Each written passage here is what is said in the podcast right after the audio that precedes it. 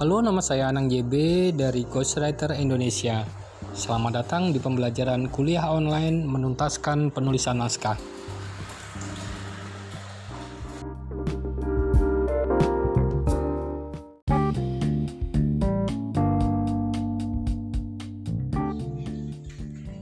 Apakah semua naskah itu harus dituntaskan?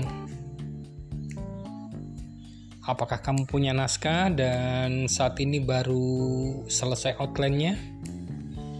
Atau sudah selesai satu bab? Atau sudah merasa selesai tetapi belum merasa pantas untuk dipublikasikan? Kembali ke pertanyaan awal.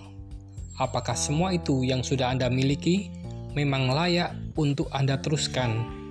Apakah memang perlu untuk Anda tuntaskan? you